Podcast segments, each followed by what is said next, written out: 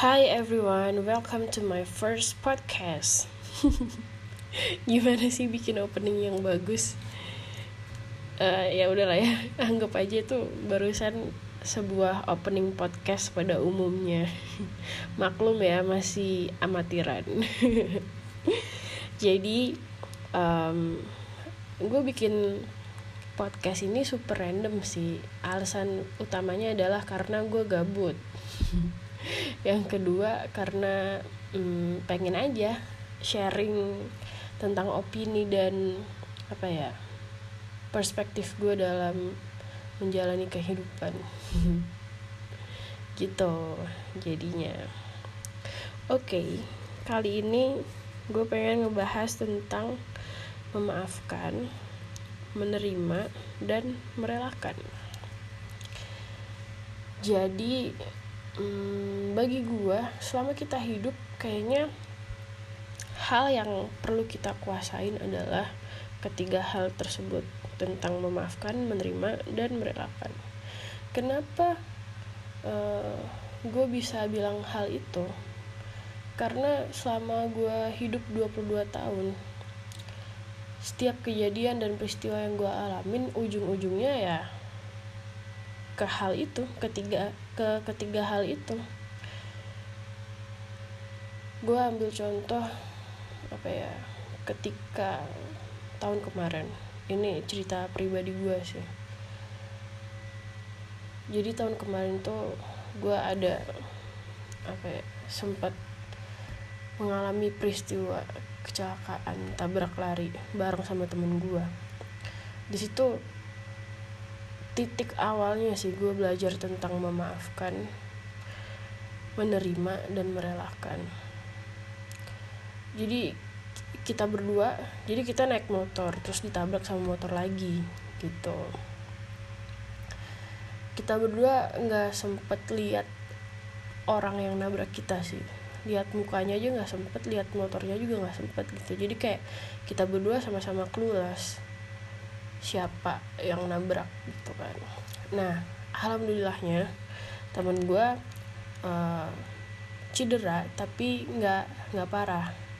Nah guanya yang lumayan parah. Gue fraktur di bahu. Fraktur uh, patah tulang. Retak sama dislokasi di bahu sebelah kiri. Di situ gue belajar tentang apa ya awalnya gue ya ya namanya manusia ya. Gue bukan orang yang super baik yang punya hati sebaik uh, ibu peri enggak. Gue adalah di masa gue menyalahkan kayak gila ya tuh orang bisa bisa bisanya nabrak gue terus lari. Terus intinya kayak setiap malam gue mikirin orang itu kayak tuh orang enak nggak ya hidupnya? Tuh orang bisa tidur nggak ya? Apa uh, tuh orang uh, tentram tentram nggak ya hidupnya? Gitu terus. Terus setelah itu gue sadar. Kalau gue kayak gini yang rugi gue sendiri gitu. Akhirnya gue mencoba untuk mema memaafkan orang yang nabrak lari gue itu. Walaupun sampai detik ini pun gue nggak tahu dia siapa gue nggak pernah dapet permintaan permintaan maaf yang proper ya gue mencoba belajar. Setahun ini gue mencoba belajar memaafkan beliau. Gitu. Dan setelah gue bisa memaafkan beliau gue bisa memaafkan keadaan. Gue udah mulai berhenti menyalahkan keadaan. Dan ujung-ujungnya gue juga bisa memaafkan diri gue sendiri. Kayak gitu setelah gue bisa melewati fase memaafkan itu baru gue bisa ada di fase menerima. Gue udah bisa nerima kalau ya udah gitu. Emang namanya kecelakaan gak ada yang mau gitu kan. Ya mungkin dianya juga nggak sengaja nabrak atau nggak tahu lah pokoknya uh, apa ya gue udah bisa biasa aja gitu dengan kondisi gue yang sekarang seperti ini. Yang ya alhamdulillah gue masih normal. Gue masih bisa uh, gerakin tangan dan lain cuman ya pasti beda rasanya. Gitu. Tapi gue udah bisa yang ya udah biasa aja gitu. Ketika orang ngebahas tentang kejadian itu gue biasa aja. Dan gue udah nggak trauma lagi mau mau naik motor mau nyetir motor mau diboncengin kayak apa gue udah biasa aja gitu. Nah ketika gue udah di stage menerima atau stage acceptance gue baru bisa lanjut ke stage selanjutnya yaitu merelakan atau ikhlas. Ya udah gue udah ikhlas sama apa yang udah terjadi gitu gue udah ikhlas sama ketetapan yang dikasih Tuhan ke gue gitu. Jadi menurut gue um, kita semua harus belajar sih harus apa ya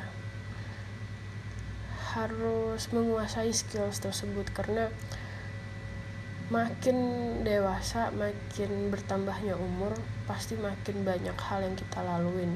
Pasti makin banyak hal yang harus kita relakan harus kita ikhlaskan harus kita terima dan harus kita maafkan.